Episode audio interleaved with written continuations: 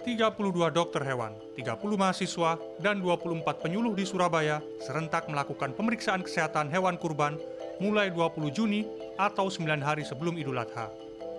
Dinas Ketahanan Pangan dan Pertanian, DKPP Kota Surabaya mencatat 7.676 hewan kurban sudah didaftarkan dan diperjualbelikan di 140 titik di 31 kecamatan.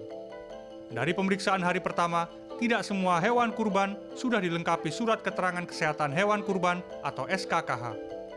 Meski begitu, petugas tetap memeriksa kesehatan hewan tersebut dan mengeluarkan surat keterangan sehat. Jika memang hewan dalam kondisi sehat, terutama bebas dari penyakit kuku dan mulut atau PMK dan lampi skin disease atau LSD. Kita juga tetap melakukan pemeriksaan hewan yang sudah ada di kota Surabaya. Kita pastikan hewan yang ada di kota Surabaya itu sehat tidak, tidak terkena PMK dan LSD. Nanti kita kasih surat keterangan. Jika ditemukan hewan kurban terjangkit PMK atau LSD, pemilik harus melakukan karantina. Apabila kondisinya parah, maka harus langsung disembelih untuk meminimalisir penularan.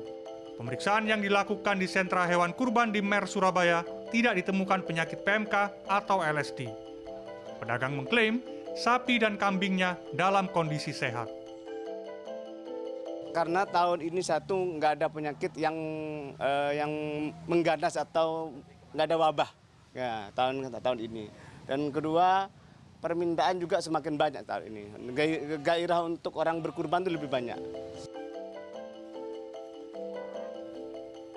Pemeriksaan hanya menemukan lecet pada sapi akibat proses pengiriman. Luka tersebut kemudian disemprot cairan antiseptik untuk mencegah infeksi petugas memberikan suntikan vitamin secara gratis untuk menambah daya tahan tubuh hewan.